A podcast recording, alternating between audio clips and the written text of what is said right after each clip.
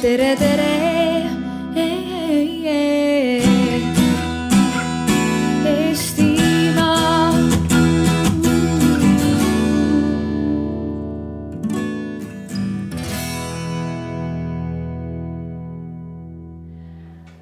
Tere tulemast kõigile, kes on tulnud arutelule. kas eestlane usub õnnelikku perekonda? minu nimi on Karmen Maikalu ja modereerin siis, siis seda vestlust siin. Te ise saate osaleda äh, selles vestluses kohe üsna aktiivselt. ja kust selline teema tuleb? Ähm, mina ise töötan äh, psühholoogina ja pereterapeudina igapäevaselt ja puutun kokku siis, äh, siis rohkem nende perekondadega, kes ei ole õnnelikud. millegipärast õnnelikud inimesed ei taha väga psühholoogi juurde tulla või nad ei näe sellel põhjust. et Ähm, ja, ja see, mis, see, mis ma näen, on see, et väga paljud Eesti perekonnad on ikkagi päris sügavas kriisis ja päris hapras seisus. väga palju on lahkuminekuid ja lahutusi. Äh, väga palju on perevägivalda, rohkem kui, kui me seda arvata oskame või, või, või tahaksime arvata. Ähm, väga paljud lapsed on õnnetusseisus. Ähm, ja inimesed ei oska kuidagi koos elada või nad ei ole koos äh, õnnelikud ja rahul. väga paljud inimesed, nii lapsed kui täiskasvanud, tulevad äh, teraapiasse või psühholoogi juurde ja, ja ütlevad, et ma ei ole rahul selle pereeluga, mis mul on. et see ei ole päris see, mida ma tahaksin, aga ma ei oska ka midagi teistmoodi teha. et ähm, väga palju ma olen kohanud seda, et, et seda võetaksegi kui paratamatust. üks äh, inimene ütles mulle kunagi niimoodi, et, et äh, aga mu vanaema ütles, et äh, niimoodi elataksegi. et mis seal siis ikka, et kõik elavad niimoodi. ja mõnikord just nagu normaliseeritakse seda, et, et inimesed ei peagi oma pereelus õnnelikud olema ja pereelul on hoopis teistsugune eesmärk. et ma vaatan, mõned juba raputavad pead selle peale, et kohe saate öelda, mida teie sellest arvate. Ähm, ja me alustame niimoodi, et, et kõigepealt äh, meie panelistid tutvustavad ennast ja igaüks ma palun, et kui te ennast tutvustate, et, et siis te räägite lühidalt ka sellest, et mida tähendab õnnelik perekond teie jaoks ja kuidas äh, see teema teie jaoks üldse äh, kõlab või, või kuidas te suhtestute selle teemaga, mida, mida see õnneliku perekonna teema teie jaoks tähendab. ja, ja kui me oleme äh, siin selle sissejuhatava osa lõpetanud siis iga panelist liigub ühe laua juurde. meil on seal kaks lauda ja siin äh, telgi, äh, telgi all on meil kolm lauda ja, ja ma palun, et, et äh, siis inimesed ka koguneksid siis vastavalt sellele, mida te olete kuulnud, mida panelistid oma seisukohalt räägivad, et te siis kogunete ühe panelisti juurde sinna laua ümber ja te otsite koos vastust küsimusele, milline siis on üldse õnnelik perekond ja kuidas äh, või mida peaks tegema, et neid õnnelikku perekondi, õnnelikke perekondi oleks Eestis rohkem. Ähm, te saate selleks aega umbes kümme või viisteist minutit ja siis ma annan märku ja siis inimesed siis liiguvad teise laua juurde.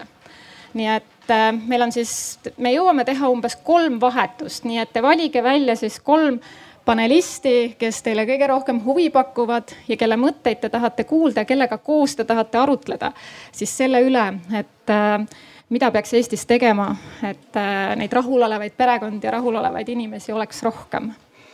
Ehm, ja pärast seda tulevad panelistid siia ette tagasi ja teevad kokkuvõtte sellest, nendest ideedest, mida siis teie olete ka seal laua taga nendele kaasa andnud mina käin vahepeal, vahepeal ringi uurin, kuidas teil läheb, võib-olla ma mõne käest küsin ka, sobib teile nii mm? -hmm. nii, aga alustame siis äh, siit, siitsamast. Urmas Viilma, tere tulemast. tere, jah, mina olen Luteri kiriku juht. aga tänases kontekstis on oluline öelda, et ma olen ka, ka ju äh, poeg oma emale, ma olen vend oma, oma vennale, ma olen abikaasa oma, oma naisele, ma olen isa oma tütrele. ma olen päris mitmele äh, lapsele ka ristiisa. ja kui nüüd sissejuhatuseks öelda, siis, siis ma olen tähele pannud, et vahel nagu abielu ja perekond muutuvad sünonüümideks.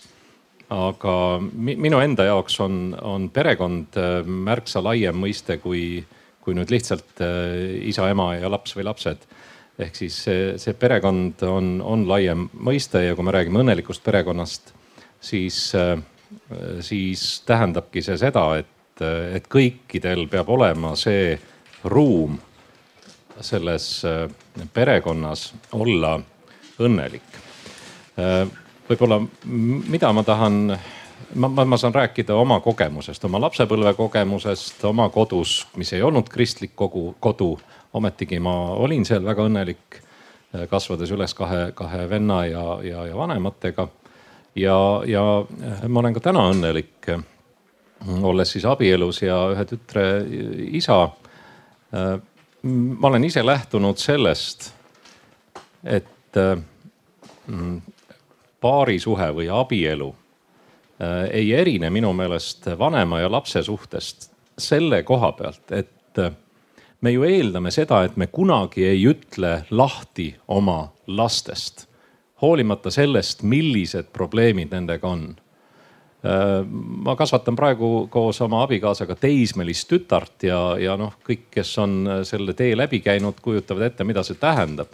aga ma mitte kunagi ei kujuta ette, et ma nagu ütlen temast lahti, isegi kui ta nagu väga selgelt väljendab minuga vastast, äh, minuga vastupidiseid seisukohti. aga ma olen algusest peale, kui ma hakkasin mõtlema omaenda perekonna loomisele, võtnud täpselt sama seisukoha ka, et alates sellest, kui ma abiellun ja minu, minu äh, abielu sõlmitakse või ma sõlmin oma abielu oma abikaasaga siis altari ees, tekib täpselt sama tugev side nagu äh, lapse ja lapsevanema vahel, ka kahe abielu poole vahel mis äh, ei ole andnud mulle kunagi varianti mõelda selle peale, aga mis oleks siis, kui meie suhe katkeks, mis oleks siis, kui me lahutaks. minu jaoks ei ole seda alternatiivi. Pole algusest peale olnud ja see on olnud minu teadlik valik. Mis tähendab seda, et nii nagu ma oma lapsest ei saa lahti öelda kuidagi, sest ma armastan teda, ei saa ma ka äh, kuidagi oma abikaasast äh, lahutada, sellepärast et, et see on täpselt samasugune vereside nüüd juba, kui ma olen abiellunud ja, ja sellepärast ma arvan ja see on meie, meie ühine arusaam olnud algusest peale, me oleme need asjad teinud selgeks algusest peale, enne kui me abiellusime. ja, ja sellepärast ei ole see, need teemad kunagi laual ja võib-olla see on üks põhjus, miks me äh, oleme endiselt õnnelikud, sest me püüame leida lahendused probleemidele ja, ja leppida ka teatud küsimustes erinevate arusaamadega, aga mitte loobuda armastamast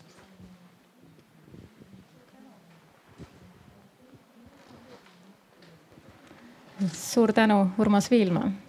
lisan ainult seda, ma ei arva, et teised oleksid kuidagi valel teel või, või ma oleks parem teistest, kellel on teistsugune elu või kellel ei ole olnud nii õnnelik elu. Suur tänu, meie järgmine panelist on Triin Käpp, kes on, tutvustab ka ennast siis ise, jah. tere, mina olen Luteri kiriku vaimulik. minu meelest antud teemal on kaks märksõna Need on usaldus ja tänulikkus. ma olen äh, läbi aastate jõudnud järeldusele, et õnneliku elu saladus on tänulikkus. kui me suudame olla tänulikud, siis me olemegi õnnelikud, et see on valik. probleem on sellega, milleks on usaldus. ma arvan, meie ühiskonnas usaldus on terve ühiskonna alus tervikuna, mitte ainult terve perekonna alus, vaid ka terve riigi alus, panganduse alus, mille iganes. kõige aluseks tegelikult on usaldus. ja minu küsimus ongi, et kuidas me suudame hoida usalduslikke suhteid. kuidas seda panna päriselt elama, see on minu küsimus. Mhm. aitäh, Priit Sibul. aitäh, tere, mina olen äh, Priit Sibul, äh, riigikogu liige, poeg, mm, väimees ka mul on või meie peres on neli last. me abiellusime möödunud laupäeval sai seitse aastat meie äh, abielust. pidi olema mingi sihuke kri kriiside aeg nüüd ees ootama meid jah. Ja ma loodan, et neid ei tule. Äh, ma arvan, et abielu või, või terve pere saab olla terves ühiskonnas, et meil ei ole võimalik neid asju kuidagi omavahel lahutada. see, millest Karmen alustas, et, et ta tegeleb katkiste perekondadega ja need, kus asjad ei ole nii hästi. et lihtsalt kui ma vaatan nii-öelda ühiskonda, siis mulle tundub, et, et rohkem ongi kuulda kahjuks nendest probleemidest ja keerulistest olukordadest ja, ja vähem me kuidagimoodi ühiskonnas räägime nendest, millest täna siin ehk, ehk õnnelikest perekondadest ja nendest, kellel on kõigil hästi. Et eile õhtul ka, kui ma sõitsin Lõuna-Eestisse, siis oli taaskord see Vikerraadios kordussaade pereprobleemidest ja lahku läinud vanematest ja sellest, kuidas siis seal lapsi kasvatada.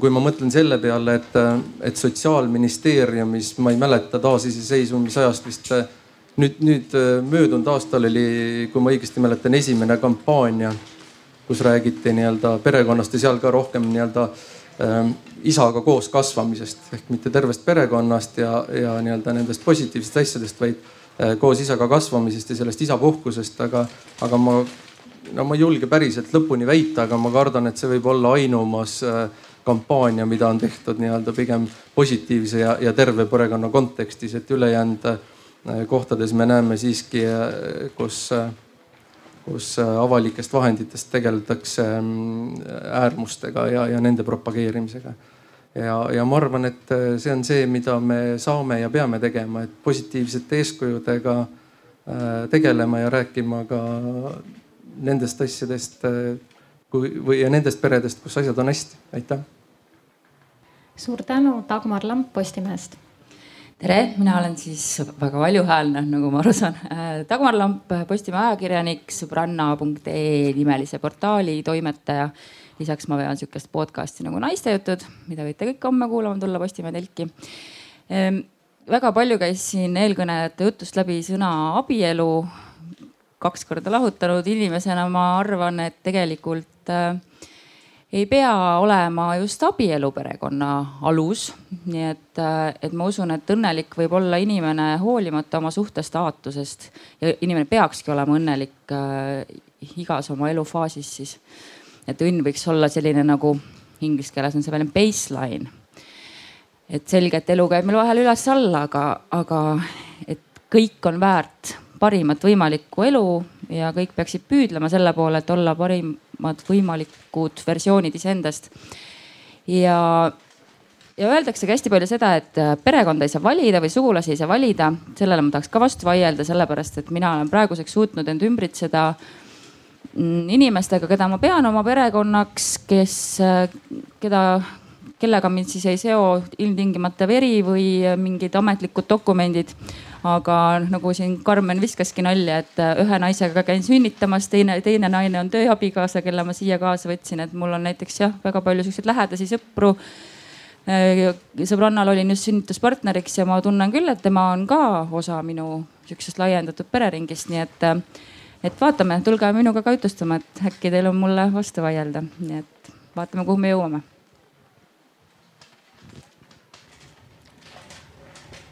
suur tänu ja meie viimane panelist Kaia Kapsta Forrester.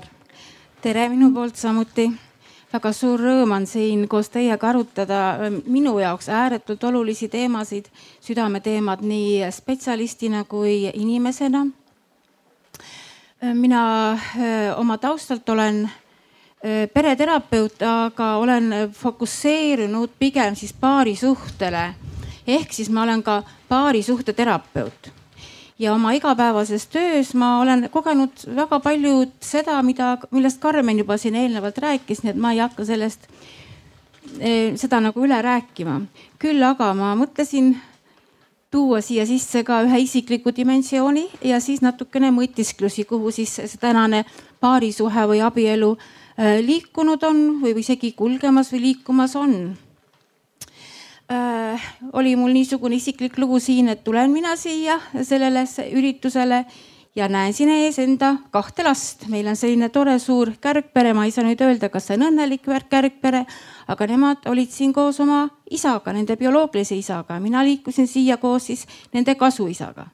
Ja, ja siis nad olid üllatunud, et oi emme, mida sina siin teed ja siis ma märkasin, et ma ei olnudki seletanud neile ja võib-olla me oleksime võinud lapsed teises kohas üle anda või teisel moel, kui me oleksime omavahel natukene paremini kommunikeerunud. aga siin me kohtusime ja siis me kallistasime, siis nad liikusid oma bioloogilise isaga end, omalt enda, enda teed. ja, ja mina jäin siia pereasju ajama. ma ei oska öelda ja ma ei taha ka kommenteerida, ma ei taha anda hinnanguid, aga selline tore kogemus oli. nüüd, kui ma lugesin ja vaatasin seda teksti, mis siin siis Karmeni poolt koostatud oli või ka selle meeskonna poolt ja mulle märkas, tärkas silmi üks küsimus, kui vana on niinimetatud traditsiooniline abielu. esimesel hetkel ma mõtlesin, et mis küsimus see niisugune on. aga siis ma, ma hakkasin selle üle sügavamalt mõtisklema ja, ja, leidsin ka kohe vastuse sellele, ma annan selle enda poolt. Äh, niinimetatud traditsiooniline abielu, nagu me sellest täna aru saame siin lääne kultuuriruumis, on tegelikult üsna hiline, kusagil noh, saja, kahesaja aasta vanune. enne seda oli ka meie kultuuriruumis siin, meie alal, siin Euroopas pigem äh, korralduslikud abielud, korraldatud abielud see tähendab seda, et meil ei olnudki oma valikut, kellega me abiellume. Ja kui me läksime enda südame eh, teed mööda, siis väga sageli me olime kogukonnast välja heidetud. Eh, Neid lugusid ma tean, eh, elades täna ka, ka siis Ühendkuningriikides, siis seal räägitakse veel vägagi neid lugusid, kus veel kaheksakümmend aastat tagasi südamesunnil abiellutud inim-, abiellunud inimesed pidid lahkuma sellest kogukonnast, pidid täiesti uut elu alustama, täiesti uue identiteedi all kusagil suurlinnas. nüüd äh, aga õnneks meie täna siin saame kõik abielluda oma südamesunnil. me saame ise teha oma valikud me saame ise ära tunda selle inimese, me saame ise minna suhtesse nii, et me tunneme, et meil kõhus libis, liblikad lendavad ja me tunneme seda imelist helinat oma kõrvus. aga suur šokk on tänapäeva ühiskonnas selle koha pealt, et pisut aega me oleme selles õnnelikus seisundis ja siis hakkab kõik lahtuma. see tähendab seda, et me avastame üllatusega, et see inimene ei olegi täpselt see, kelleks me teda pidasime. see inimene ei olegi täpselt meiega ühtemoodi, meiega sarnane. see inimene on täiesti teistsugune, tal on enda vajadused tal on enda tahtmisi ja ta ei täida minu vajadusi. täielik pettumus. mis me sellega siis peale hakkame, eks me siis otsime järgmist inimest, seda õiget oma ellu, eks ole mm. -hmm. nii kaua otsime, kuni me selle õige leiame mm. -hmm ma võiks öelda enda poolt spetsialisti vaatenurgast vaadatuna, et need valikud, mida me niimoodi südamesunnil teeme, on siiski suhteliselt impulsiivsed ja ehk nad on siiski suhteliselt palju mõjutatud meie vanema aju osapoolt ja me võime tänasel päeval ju küsida tegelikult seda, et kas see üldse on meie asi, kuidas siis lähtuvalt meie valikutest tunnevad ennast inimesed meie ümber? kas me peaksime üldse hoolima ja muretsema selle pärast, kuidas siis meie lapsed tegelikult ennast tunnevad, et meie läheme ju liikvele südamesunnil, meie teeme neid ilusaid ja kauneid valikuid. sest me elame siin ju ainult üks kord, nii nagu me tahame uskuda. sellised mõtted minu poolt täna, praeguseks suur tänu. nüüd äh, olete kuulnud kõikide osalejate esialgseid mõtteid äh, ja osalejad lähevad nüüd oma laudade juurde äh,. Dagmar Lamp, Postimehe ajakirjanik, on äh, siin tagumises lauas äh,. Kaia Kapsta-Forrester, baariterapeut, kuhu sa panid oma koti? ahah ahah äh,. nii äh,, Kaia Kapsta-Forrester, baariterapeut äh, on siin keskmises lauas ja me teeme nii, et me paneme daamid kõik siia äh,, siia telki ja härrased siis äh, lähevad sinna põõsa alla. ma loodan, et see ei kõla kuidagi kehvasti. et ähm, äh, ja, ja Triin Käpp, vaimulik äh,, naisvaimulik. olete te kunagi rääkinud mõne naisvaimulikuga? Äh, on äh, seal äh, äärmises lauas. jah, nii peapiiskop Urmas Viilma. meesvaimulik ja olete te kunagi rääkinud nii tähtsa meesvaimulikuga? Läheb, istub sinna tagumisse lauda ja poliitik, riigikogu liige Priit Sibul, kas te olete kunagi rääkinud mõne riigikogu liikmega? täitsa niimoodi silmast silma, tuleb, istub siia ette lauda, et teil oleks kohe hea teda kätte saada. Nii et äh, palun minge nendele laudade juurde, te saate võtta siit veel toole ja kümme-viisteist minutit esimeseks vestluseks ja siis vahetame. Äh, ja, ja te iga laua peal on suured paberid ja te mõtisklete siis koos selle üle, milline on üks õnnelik perekond ja mida võiks teha, eh, et Eestis oleks rohkem õnnelikke perekondi. kas siis riigi tasandil või eh, inimese enda tasandil. kui teil on mingisuguseid mõtteid lisada sellele, mida siin eelkõnelejad juba rääkisid, siis, eh, siis võite, võite seda teha. me kogume need ideed ja ettepanekud kokku. kes ei soovi osaleda vestluses siis te saate istuda siin. Ehm, aga parem on, kui, kui te lähete kuskile, kuskile laua juurde. Nii ja läheme siis kokkuvõtete tegemise juurde. siin ees on istumas peapiiskop Urmas Viilma, poliitik ja riigikogu liige Priit Sibul, naisvaimulik Triin Käpp Postimehe ajakirjanik Dagmar Lamp ja paarisuhteterapeut Kaia Kapsta-Forrester. Nemad on nüüd viimase tunni aja jooksul vestelnud paljude inimestega sel teemal, et milline on üks õnnelik perekond ja mida teha, et Eestis oleks rohkem neid õnnelikke perekondi ja kohe hakkame kuulama siis nende kokkuvõtteid. ja kui siis on küsimusi jooksvalt mõnele panelistile, siis andke käega märku, ma jooksen mikrofoniga ja saate kohe küsida ka. alustame siit pihta, peapiiskop Urmas Viilma, millest te rääkisite? Ma arvan, et vist kõigil oli lõpuks kolm rühma kujunes välja, vähemalt meil kujunes kolm rühma välja ja võib-olla oleks pidanud jääma üks äh, viis minutit selleks, et ma oleks saanud enda jaoks nagu kokku tõmmata. Äh, praegu äh, ei, ei ole muud ei jää üle, kui, kui ma tegelikult refereerin iga rühma selliseid märksõnu, kuhu me välja jõudsime. Esimene rühm oli meil selline lähteülesanne siia kirja pandud õnnelik perekond ehk siis millised peavad olema need, need eeldused siis, et perekond oleks õnnelik. tunnistan, et me peaaegu kõikides rühmades jõudsime ikkagi praktiliselt paarisuhte juurde, et mitte nii-öelda perekond laiemalt, vaid ikkagi paar sarnased väärtused, mida vastastikku aktsepteeritakse. Mm, oskus leida kompromisse probleemide lahendamisel. ühine visioon või maailmavaade.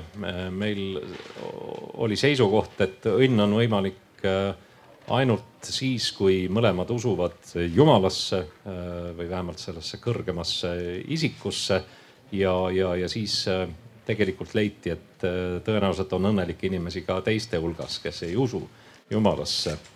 aga et äh, keeruline on siis, kui, kui üks usub ja teine ei usu, siis, siis on eriline oskus see, kui suudetakse üksteisest lugu pidada ja arvamustest ja väärtustest, isegi kui need on täiesti erinevad, lugu pidada. oskus andestada, see tuli ka teistes rühmades välja äh, Äh, perekonnas elamine nõnda, et, et igalühel on oma, oma roll selles konkreetses peres äh, teada.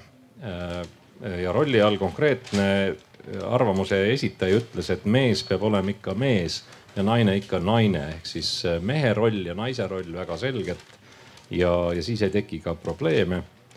ja muidugi jäi üles meil esimeses rühmas küsimus, et mis see armastus lõpuks on, kas ta on tunne, on ta tahe, on ta otsus. nii, see on esimese grupi kohta, teine grupp äh, alustas sisuliselt samasuguse lähteülesandega, aga kuna siis Karmen vahepeal lõikas vahele, mis see lähteülesanne on ja siis ta kõlas niimoodi, et kas õnnelik perekond on üldse võimalik. Äh, aga me ikkagi ei, ei äh, hakanud arutama seda, kas ta on võimalik, vaid ikkagi jõudsime samasse kohta, et, et õnnelik suhe tähendab tööd või vaevanägemist peab olema mõistmine, peab olema lugupidamine tuleb otsida ühisosa ja pigem sellest lähtuda, mitte kogu aeg erinevusi rõhutada. tuleb anda vabadus, peab olema austus. veel kord tulid välja, et usulised või maailmavaatelised tõekspidamised võiksid olla ühised see teeb asja kergemaks. Öeldi ka, et isiksused võiks olla sarnasused, noh, seal oli teema, et kas introvert ja ekstravert saavad koos olla valmidus ise muutuda, mitte niivõrd muuta teist, suutlikkus kohaneda ka teisega, äh, usk õnnelikku perekonda ehk siis, äh, et eeldus on juba see, et me usume, et meie pereelu on õnnelik ja küllap ta siis ka kujuneb selliseks. ja ma ei tea, kui pikalt ma rääkida saan, aga kolmas grupp. Äh, siin on ka kenasti märk või laused lausa kirja pandud, mitte karta raskusi see ühendab peret. ehk siis äh, arutasime selle üle, et kas, äh, kas õnn kestab esimeste raskusteni või äh, on osa õnnest perekonnas ka see, et ühiselt raskused ületatakse ja nendele ühiselt vastu minnakse. abielu alguses või suhte alguses kokku leppida, mis peab juhtuma, et abielu lahutatakse või pigem siis pöörduda positiivseks, et otsustatakse, et ükskõik, mis juhtub, meie abielu ei lahutata teadvustada, et kooselu võib sisaldada ka tagasilööke, mitte kiirustada seksuaalsuhetega, saada enne sisuliselt lähedaseks, äh, sest ajapikku äh, seksuaalsus, inimese seksuaalsus muutub ja, ja, ja muud asjad muutuvad suhetes olulisemaks. suhe nõuab vastastikust pingutamist ja panustamist ja muidugi andestamine, kui on olnud eksimisi Äh, sest me kõik oleme ekslikud. ja pere on õnnelik, kui on tööd ja leiba. Äh, tõdeti seda, et põhilised probleemid või ühed esimesed probleemid hakkavad tulema siis, kui äh, raha üle vaieldakse või toimetulek on või puudus on peres. siis, siis tekivad ka probleemid. ja kõige viimane lause, mis ma siia kirja panin, enne kui me laiali läksime, oli, oli ühe, ühe meie grupi liikme tõdemus, et oluline on ka teada, kus on see koht kus antakse nõu ja abi ja, ja vastuseid, kui tekivad probleemid. et, et kas, kas on need kohad olemas ja, tema ütles, et tema läks otsima seda vastust kirikust ja ma sain aru, et ta selle siiski ka leidis sealt. mul on hea meel selle üle, aitäh! Aitäh, Urmas, kui sa nüüd ära, ära anna veel ära, et kui sa nüüd kuulasid äh, neid inimesi, kes sinu lauas käisid, et äh, ja, ja sa nüüd mõtled selle üle, et, et oskad, oskad sa öelda ühe asja näiteks, et mida mingisuguse nõuande, äh, mida siis võiks teha, et inimesed oleksid oma perekondades õnnelikumad mul oli tunne, et kui ma nüüd kolme gruppi, võimalik, et ma ei vasta su küsimusele, aga kolme gruppi mõtlen, siis, siis natuke nagu oli kahte tüüpi lähenemist. üks oli selline, et, et kui äh, näha on vaeva ja teha tööd, siis tuleb ka armastus, ehk siis on võimalik suhe hoid-, suhet hoida ja päästa, kui näha vaeva. ehk siis see on meie inimeste endi teha, meie endi teha, et me saame selle suhte korda või, või sealt edasi. ja oli teist tüüpi lähenemisi, kus, kus oli pigem see, et kui ei sobi, siis tuleb, siis ei sobi. et, et see oli võib-olla see selline erinevus. kui sa nüüd minu käest küsid, siis mina olen selle esimest tüüpi inimene, kes ütleb, et, et tuleb vaeva näha. ehk siis kui teed tööd, siis tuleb ka armastus. Tammsaaret tsiteerides ehk siis ja, ja ma olen ka seda seisukoha, sellel seisukohal, et, et tahe armastada, noh, see on ka üleüldine kristlik mõõde, tahe armastada on, on paljuski ikkagi minust endast kinni.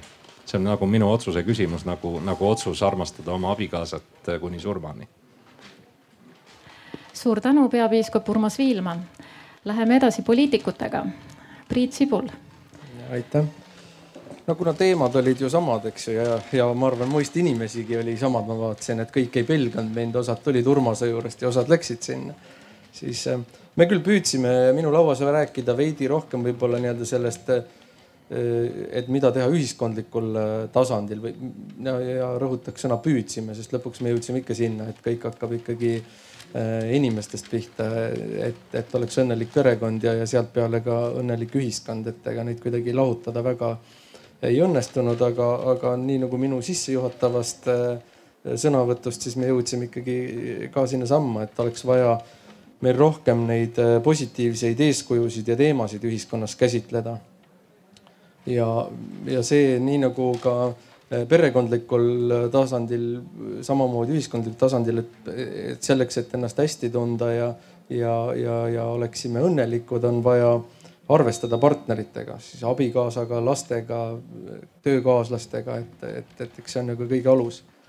ja nii nagu Urmas viitas, et, et kindlasti küsimus, et kui need kriisid ja probleemid tekivad, et meil oleks olemas äh, need kohad ja ka võimalused, et, et seda nõustamist ja toetamist saada, eks ju. mina ise olen ka prepis käinud ja, ja, ja, ja ma ütlen, ma tõenäoliselt osalesin ka siis, kui eh, kas In,. inimesed ei tea, mis on prep. aga sa ise pärast ütled ütle ikka kohe praegu, muidu jääb inimestel segadus. see oli, mina käisin seal paarisuhte nii-öelda koolitusel, eks ju, mis on konkreetne metoodika, mis tuleneb eh, USA-st ja põhineb nihuke kristlikul taustal ja arusaamisel noh, ennekõike, eks ju, et aga selleks, et, et uskuda ja abi saada, ei pea otseselt nii-öelda uskuma Jumalat, aga parem oleks, sest siis on, on võimalik maailmas paremini asjadest aru saada ja hakkama saada. ja hoolivus, mitte nõuda, vaid panustada ja kuulata. Jõudsime sinna nii nagu ühiskondlik perekonna tasandil, et, et me ju teame, et kõige keerulisemad hetked, kas neljakümnendates või mis iganes ajast et need alati ühendavad, muudavad meid tugevamaks, et, et mitte ma ei, ei, ei taha ja ei kutsu teid äh, kriise perekondades looma selleks, et õnnelikumaks saada, aga, aga tegelikkuses on ikkagi niiviisi, et äh, kui me raskused üheskoos üle elame, siis me muutume koos äh, tugevamaks. ja siis teadvustada ja harida inimesi, et, et see perekond on osa äh, nii-öelda tervest ühiskonnast ja mida ma siin mõtlen, noh, et korra sissejuhatavalt ka mainisin, et noh, kas, kas kui, kui me räägime nüüd nii-öelda perekonnast ja lastest, et kas need on meie omad või meie omad selles mõttes, et vanemate omad või nad on laiemalt ühiskonna osad ja, mida ma siin mõtlen, noh kõige lihtsamad näited on no võib-olla kaupluses, et, et kui palju me ühiskonnas täna oleme valmis selleks, et kui me seisame poes järjekorras, on poodnik on ilusti viimasele e-, enne nii-öelda kassa maksmist sinna need nätsud ja kommid pannud ja siis meil on need kolmeaastased ja kes on juba maitsnud elus kord kommi. ja siis, kuidas kõik sind vaatavad, et sa ei saa ju nendega hakkama, näed, oled siin soetanud ja võib-olla on veel abikaasa rase ka ja tahate veel saada, aga ei saa nendegagi õieti hakkama. selle asemel, et lasta mm, perekond läbi, kellel lapsed karjuvad või hüsteeriliselt selili põrandal äh, kommi nõuavad. või, või, või siis need äh, niinimetatud perepiletid, et kui Mm, siis kui meil oli kolm last, eks ju, ja käisime seal kusagil spaas. et siis perepilet oli kaks vanemat ja kaks last, et äh, ma ei täpselt ei saanud aru, mis ma selle kolmandaga siis peale hakkan. Et kas ta kuulub perekonda või ei kuulu, aga tolle spa jaoks tol hetkel ei kuulunud. Noh, see mõned trendid õnneks on nagu muutumas äh, positiivses moodi, aga see on minu arust nagu noh, kõik kõige rohkem see küsimus, et, et kuivõrd me ühiskonnas tajume, et kas see on nagu teie ja teie pere probleem või see on nagu meil, meil ühine arusaam ja see noh, ma arvan, on küsimus sellest, kas meil on lasterikkaid peresid, nii et, et, et see suhtumine, et ma tunnetan ühiskonnas tuge või, või tegelikkuses ei tunneta, et pean nii-öelda, et see on, see on minu rist, mida kanda ja, ja siis nii hästi või halvasti, kui ma sellega hakkama saan. Urmas juba korra mainis, ega siin ka keegi viitas, et, et noh, puudust ei tohi olla ja peeti ennekõike silmas rahalist puudust ja ja öeldi, et mõneti tõenäoliselt sihuke krooniline rahapuudus on isegi, isegi hullem kui, kui alkoholism. et oleks töö kodus või kodumaal olemas, et, et pered saaksid koos olla. Noh, ja siis jõudsime jah koolis õpetatavate väärtuste ja töökasvatuse juurde. Ja jõudsime ka selleni, et, et, et noh küsimus on nii-öelda sellises individualismis või, või selles, et, et mina tahan, et, et ülevalpool ka ütlesin, et on, on noh, nii-öelda ennekõike arv, arvestamine teistega, aga, aga oli ka nii-öelda inimesi, kes ütlesid, et selgelt on võimalik õnnelikuks õppida või saada nii-öelda, kui, kui püüelda selle poole, et, et, et ka üheskoos, et, et üks võimalik on, võimalus on alati enda taga uks kinni lüüa ja otsida uut ja paremat ja õnnelikumat suhet, perekonda või võimalust ja teine variant on siiski koos omavahel läbi rääkides ja koos tööd tehes sinnamaale jõuda. ja tuumperesid vaja nii-öelda, et nad oleksid meil nähtaval ja olemas ja, ja seesama meeste rollide teema, et, et mees olgu mees ja, ja noh, tööelu korraldamine ja perekond oli siin näiteid, eks ju, nendest, ma ei tea, jõulupidudest, et kui sa oled pereinimene, et kuhu sa siis töö, kui töö juures korraldatakse jõulupidu, et kuhu sa need lapsed paned endal selleks ajaks, kui õhtul minnakse napsu võtma või nii edasi. et me veel liiga palju ei, ei mõtle sellele, et, et ei ole ainult need inimesed, kes karjäärile mõtlevad ja, ja, ja toimetavad, et on, on ka neid, kelle jaoks on lasted ja, ja siis jah, et, et, et õnnelikud oleme siis, kui kui, kui äh, lapsed saaksid oma hobide ja, ja, ja võimalustega tegeleda, et nii-öelda see aineline värk, et kas see peab olema ainult perekanda või, või perekonna kanda või võiks olla see laiem, et. et see on niisugune lühike kokkuvõte nendest aruteludest, mis meie lauas olid, aitäh. ütle üks asi, mida sina nüüd äh, riigikogu liikmena, poliitikuna arvad, et mida me riigi tasandil peaksime kõige esimesena ära tegema? Ma jään oma sissejuhatuse juurde, et me peame neid positiivseid äh, äh, peresid ja kaasusi rohkem kajastama ja näitama. ja ütle üks asi, sa ütlesid, et sa käisid oma naisega koos äh, prep koolitusel, ütle üks asi, mida te sealt õppisite, mis oli teile kasulik. no me saime ikka teineteisest väga palju rohkem teada, kui me enne seda teadsime.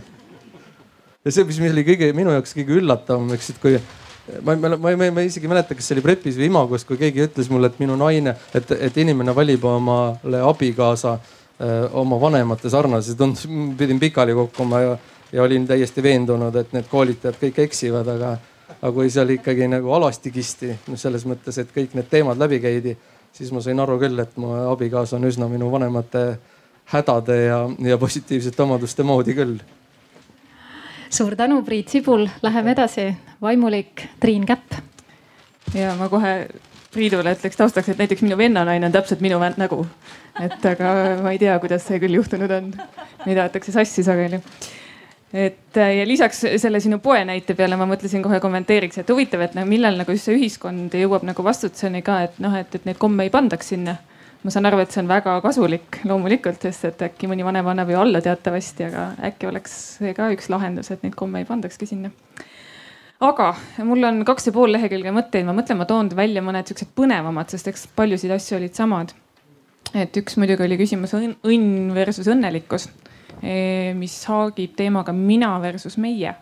et sageli me küsime, et minu õnn või siis meie õnnelikkus et äh, kui me ajame taga enda õnne, siis äh, võib õnnelikkus ka ära kaduda.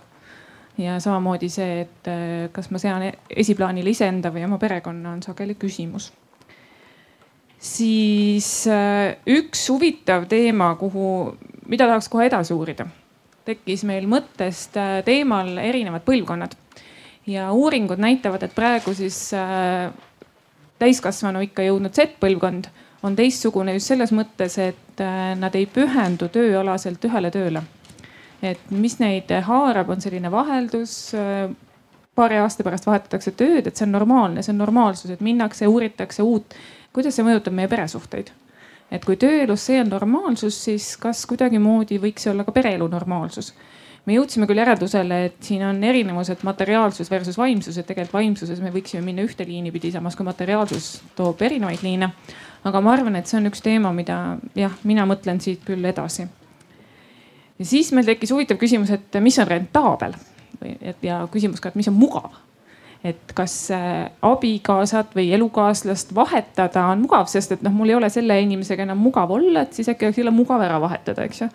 noh, okei okay,, tegelikult mul on üks hea sõber, ka juba pikalt abielus olnud äh, kolme lapse isa, kes ütleb, noh, ütleme mingi suvalisime Katrin on ju, oletame, et on tema naise nimi, et, et noh, tead, ma ei viitsi et noh, varsti mul on uus Katrin kodus, et ei ole nagu mõtet. et äh, küsimus on jah ka selles, et palju me oleme nõus oma mugavustsoonist tegelikult välja astuma selleks, et meil tegelikult pikaajaliselt oleks mugav olla. ja siis oli üks väga huvitav äh, teema oli vaba aeg. mis asi on vaba aeg?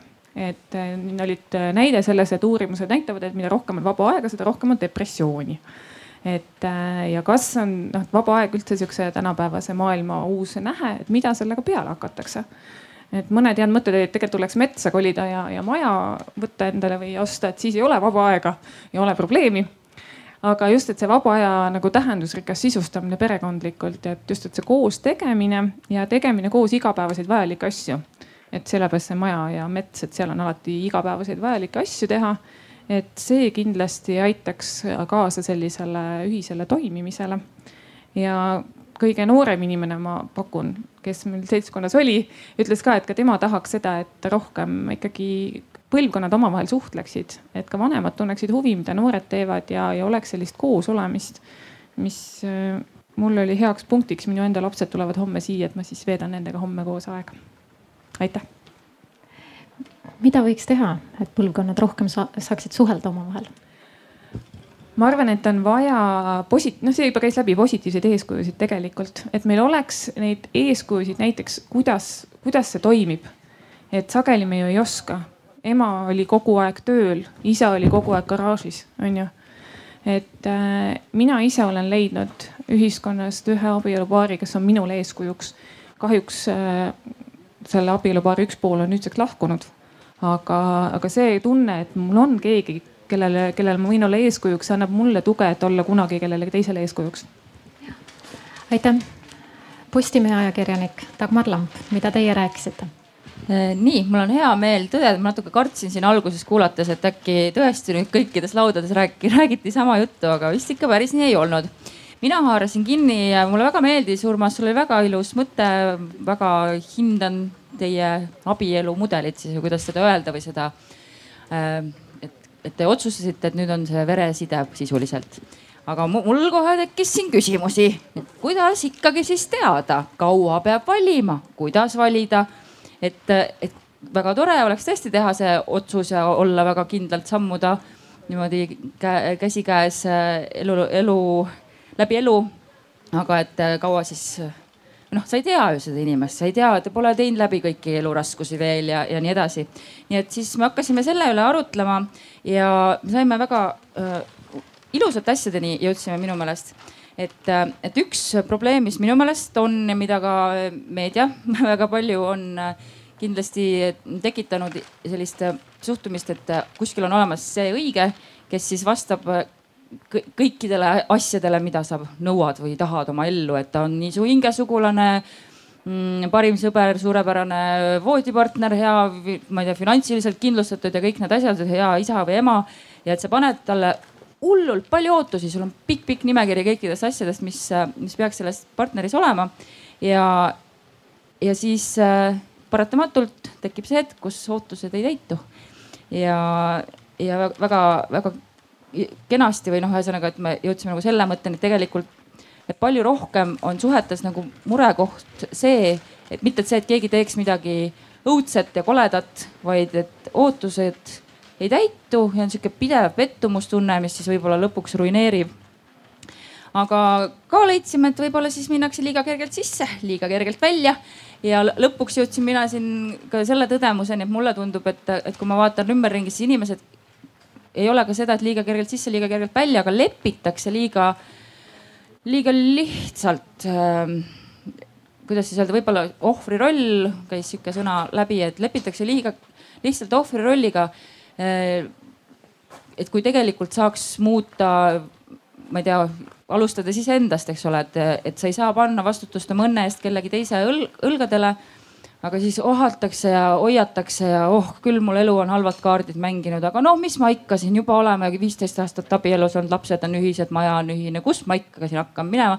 et võib-olla sa ei peagi minema, võib-olla alustaks selleks, et ära pingu nii palju hakka, hakka endaga töö, tööle ja et tegelikult õnn peitub ikkagi selles, et sa pead iseendaga olema rahujalal ja siis meil siin äh, hästi ilus äh, mõte, mis mulle nagu hästi meeldis, et, et, äh, et lisaks sellele, et, sul on kõik need ootused, et sa saad lõpuks aru, et sa võid neist ootustest äkki lahti lasta. et armastus on otsus ja õnn on otsus. ja seesama, see ma tahan armastada, toodi mulle Urmase lauas sihuke sõnum et ma tahan armastada ja, ja hoolimata siis sellest, et võib-olla see nimekiri, mida sa oma peas äh, alguses lõid, et see võiks olla sinu ideaalne kallim, siis kui sa lõpuks leiad kellegi, kes on võib-olla totaalselt erinev, aga te koos otsustate. Siis see võib-olla ongi see ja mulle meeldib hästi see mõte, et, et sa valid justkui iga hommik selle inimese enda kõrvale uuesti. ootustega oli veel ka see, et, et, et kui sa juba paned neid ootusi, noh, seesama, et maailm, maailmapilt peaks olema ühine ja väärtused ühised. et, et sa saad panna küll inimesele ootusi selles mõttes seesama, et ei tasu leppida millegi kehvemaga kui see, mis sa väärt oled. aga sa pead ka teadma, et sul on alus panna neid ootusi, ehk siis sa pead juba seda inimest piisavalt tundma ja et teil peab olema, olema see nii, et mis mul siin keskel on? Jah, et õnn on endas. Vot sellised olid siis äh, meie laua mõtted sina oled ajakirjanik, äh, Dagmar, kuidas sulle tundub, milline on ajakirjanduse ja meedia vastutus selles, äh, kuidas meie perekonnad ennast tunnevad või, või millised, milline on üldse suhtumine perekonda Eestis? oi, see on kindlasti väga suur vastutus. ma mäletan, kui ma olin äh, magistrikraadi, ma hakkasin tegema ja ma istusin maniküürija juures ja talle helistas mingi sõbranna, kes oli täiesti hüsteerias, tal oli midagi kodus juhtunud, ma ei tea, kas laps jönnis või midagi ja ma kuulsin seda kõnet pealt ja oli. aga kogu aeg ma loen ajakirjadest, kuidas kõik teised emad on nii täiuslikud ja mina siis olen üksi, kes ei saa hakkama ja siis ma kirjutasin ka oma magistritöö sellel, äh, sellel teemal, kuidas siis meedia, noh, see ema kuvand meedias, et tegelikult jah, ja meil ongi kõik need kuulsad ja, ja kenad, toredad, ideaalkaalus äh, kaunid äh, lauljad, staarid, näitlejad, kõigil on, oi, neil on nii hästi. partner on nii toetav, lapsed on nii suurepärased. väga tore, mul ei ole, mul on, juhtub ka neid kordi, kus nagu laps äh, karjub ja, ja õhtul lähed magama ja tahaks ise nutta. et selles mõttes jah, et seda ideaalset pilti ja peale surutud see käis meil ka vestlusest läbi, et see õnn on justkui norm läbi Instagrami filtrite, kõik on nii ilus ja sa pead kõik noh et jah, et selles mõttes, et, et see oskus nagu lugeda meediat ja üldse siukse sotsiaal, sotsiaalmeediat, et see inimesed äh,. seda oskust peaks kindlasti, seda kirjaoskust nagu või lugemisoskust äh, arendama. et see, mis sa näed, ei ole alati tõde, see on alati ilustatud tõde. aitäh, Dagmar Lamp ja meie viimane panelist, baariterapeut, pereterapeut Kaia Kapsta-Forrester, mis olid teie kõige olulisemad sõnumid? Ma äh, alustaksin samuti sellise toreda sõnumiga, mis meil siin lõpuringis kõlama jäi, et õnn ja armastus peaks olema tunnetatud paratamatus. Ehk see on siis selline nagu otsustuse koht tegelikult. Ja siin on ikkagi väga palju sinu enda teha, et kuidas sa nendesse asjadesse suhtud ja kuidas sa nagu nende oma sisemiste protsessidega nagu ise toime tuled, et kuidas sina võtad vastutust enda heaolu eest paari suhtes ja abielus samal ajal me algasime sellise diskussiooniga esimese grupiga, abielu versus vaba abielu ja, ja, ja tuli, jäi kõlama mingi arvamus, et abielus on midagi lõplikku, mis võib olla ka hirmutav. samal ajal äh, mulle väga meeldis see dilemma, mis nagu esile tuli ja see tuli nagu selles mõttes ka maailmavaatest sõltumatult. et kui inimesed on juba eelnevalt eh, saanud mingisuguse negatiivse kogemuse oma, oma eelnevast abielust või nad on kogenud midagi, kuidas nende vanematel on läinud seda mitte eriti hästi. et on jäänud niisugune ebausk abielu osas, et see abielu ise nagu tooks õnnetust kaela et pigem oleks juba siis mitte nagu abielluda, et, et ma püüda kuidagi teistmoodi et minu, minu meelest oli väga-väga tore ja, ja vaimukas seda kuulda. Äh, ja siit edasi arutasime, et, et kuidas me siis abiellu siseneme, et ma ütleks siis meie prepi terminite äh, kohaselt, et väga sageli me ikkagi kaldume libisema ja väga olulised kokkulepped jäävad tegemata. ehk siis me siseneme abiellu uisapäisa äh, ebateadlikult ja, ja, ja oli siin väga selline tore lugu, et, et siseneti abiellu, räägiti midagi ebamä- äh,, siseneti vaba abiellu, räägiti midagi ebamääraselt abielust äh,. päris kokkulepped ja, ja lepingud jäid sõlmimata ja, ja seda ei juhtunud kunagi, jäigi inimesel abiellumata. nüüd äh, tekkis selline tunne, äh, hakati aja jooksul märkama, et ka mingid teised kokkulepped nagu ei pidanud. see tähendab seda, et see on selline suhtumise ja hoiaku küsimus tegelikult, et kas me ja väärtusbaasi küsimus ka ja nende dünaamikate küsimus, et missugust dünaami, missuguse dünaamika peale me oma tegelikult suhet üles ehitame. mulle väga see lugu meeldis nii, mis siin, mis, millest me siin veel rääkisime ja jõudsime sellise koha juurde, et kuidas hoida paarisuhet väga ilus mõte minu meelest äh, ühel inim-, ühelt inimeselt, kes äh, Äh, küll tuli perekonnast, kus vanemad ei olnud omavahel heas paarisuhtes, ta oli kogenud elu jooksul lapsepõlves nii mõndagi, aga tema jõudis enda isikliku vaimse kasvamisega sellise, sellisesse arusaamisesse, et abielu koosneb siis sõnadest abi pluss elu. ja need mõlemad on väga suured mõisted ja tema jaoks on abielu püha ja see ei tähenda seda, et see on midagi, mis nagu toimib maagiliselt iseenesest, vaid et tema on pidanud väga palju ise õppima. Ja et me võiksime nagu ikkagi kõik me eraldi ka ise õppida ja aru saada, et mida mina saan teha selleks, et meil see paremini toimiks. Need asjad ei lähe kunagi iseenesest. Ja paarisuhteterapeudina ma ütleks, et ma ei usu üldse sellisesse suhtesse ja abiellu, mis nagu libisevalt ja ladusevalt nagu iseenesest toimiks. see ei ole nii, see ei kehti niimoodi, see lihtsalt ei tööta niimoodi. Ähm nii, siis, et jõudsimegi paarisuhte kvaliteedini jah. et, et ja ka selle koha juurde, et, et paarisuhe, äh, kui paarisuhe toimib siis seeläbi on ka meie lapsed õnnelikud. väga toredaid lugusid ka isiklike kogemuste pealt, kuidas siis äh, inimesed, inimeste vanemad õppisid omavahel teistmoodi suhtlema ja missuguse, missuguse nagu äh, sellise kvaliteedi nihke või heaolu nihkega see inimese enda ellu tõi. ehk siis kuidas me siseneme eh, paarisuhtesse ja, ja jõudsime oskuste õppejõude, mida me siis ka Prepi, eh, Prepi, eh, paarisuhte koolituste kaudu väga-väga palju püüame inimestele jagada. see on oskuste õpe, kuidas käsitleda erimeelsusi turvaliselt. et kuidas siis inimesed näevad enda osa, et mida mina äh, püüan õppida tegema teisel teistmoodi. ma võin ise rääkida enda isiklikust kogemusest seda, et jah, minu äh, esimese abielu lagunemine ei olnud minu valik, aga mida ma sellest öö, õppisin ja omandasin, oli see, et ma täielikult sain teistsuguse arusaamise iseendast ja sellest, kuidas ma ei ole osanud olla öö, hea partner oma eksabikaasale. ja, ja, ja see ja peamine tulemus sellest on see, et kuidas ma püüan õppida tegema asju täiesti teistmoodi. nüüd ikkagi ma ei saa aru, miks meie abielu peab selleks lagunema. miks me ei võiks siis koos, üheskoos õppida seda, kuidas olla oma partnerite jaoks juba paremad kaaslased, juba paremad ja toetavad ja mõistvamad inimesed. Ähm, ja jõudsime väärtushinnangute juurde hästi oluline koht on, oli inimeste jaoks, see läbis nagu kõik need grupid, see teema. et kuidas me siis mõistame seda, et teine on teistsugune ja, ja, ja, ja, ja kuidas suure tõenäosusega me peaksime õppima andeks andma seda, et ta on teistsugune.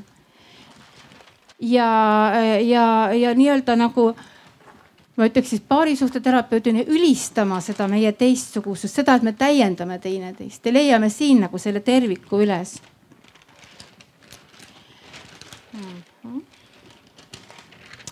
ja ka seda, et, et, et väga sageli me näeme seda, et see sisenemine paari suhtes abielu on nagu väga enda egokeskne.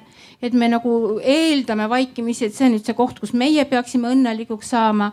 selle asemel, et aru saada, et mida mina panustan, kust mina iseendast loobun ja kust see siis see terve andmise ja saamise tasakaal tuleks ja kuidas on jällegi, kuidas on nagu, nagu teistel inimestel, mis on siin juba korduvalt ka kõlanud, kuidas on teistel olla siis minuga koos minu lastel, minu lähedastel.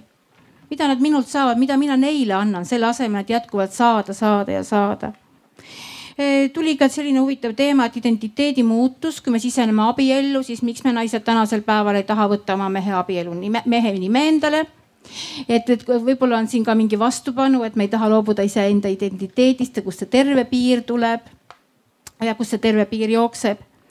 ja, ja huvitav mõte oli ka see, et mida ühe osaleja isa oli temale ellu kaasa andnud, et, et inimesed võiks nagu aeg-ajalt abielulepingu üle vaadata, et mingi aja tagant, et see nagu motiveeriks nagu siis abielus olema. esimene esmahetkel kõlab šokeerivalt, aga, aga samas paarisuhterapeudina mulle tundub, et tõepoolest me võiksime aeg-ajalt maha istuda küsida, et kuidas meil läheb kas sa oled ka suhtes sama õnnelik kui mina? sageli tulevad minu juurde paarid, kus üks on täiesti rahul, üheksakümmend protsenti ja mingi jama. teine on temaga koos olles nagu ma ei tea vaevu, vaevu kakskümmend protsenti annab välja seda rahulolu, eks ole.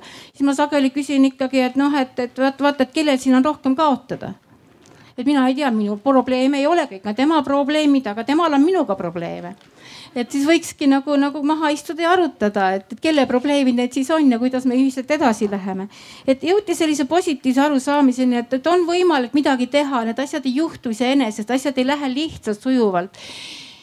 ja on võimalik omandada uusi oskuseid, on võimalik äh, saada teadlikumaks juba eelnevalt, kui me hakkame suhtesse sisenema, suhte alguses kõigepealt saada midagi enamat teada iseendast ja noh, hea on öelda, et, et prep-paari suhte koolitused, need toredad kogemused sealt, need jäid väga ilusasti kõlama nii mõnegi inimese poolt, kellega ka mina, mina ühes lauas olin. hästi meeldib kuulda tänu meeldiva ja positiivse tagasiside eest. et oli prep indiviidi koolitus ka väga hea Kaia, sa oled äh, teist korda abielus, ütle ja. üks asi, mida sa teed praegu teises abielus teistmoodi kui esimeses abielus. oi, neid on väga-väga palju. ütle ma... üks. ma püüan rohkem mõista teist inimest tema positsioonilt lähtuvalt. nii, nüüd me oleme läinud juba täitsa üle aja, aga mida me saame lõpetuseks öelda? kas õnnelik perekond on võimalik? jah, on küll. Kas on võimalik õppida, olla äh, õnnelik? jah, on võimalik õppida ja seda ei pea tegema eraldi, seda võib teha koos nii et aitäh teile kõikidele, kes äh, osalesid. aitäh kõigile, kes andsid oma panuse nendesse ideedesse. Äh, te loete seda kokkuvõtet hiljem Arvamusfestivali blogist ja, ja kindlasti äh, muudest kohtadest ka Eesti Kirikute Nõukogu paneb selle kokkuvõtte üles ja, ja jälgige siis, siis Arvamusfestivali kodulehekülge ja Eesti Kirikute Nõukogu kodulehekülge. armastus on võimalik, aitäh teile. thank you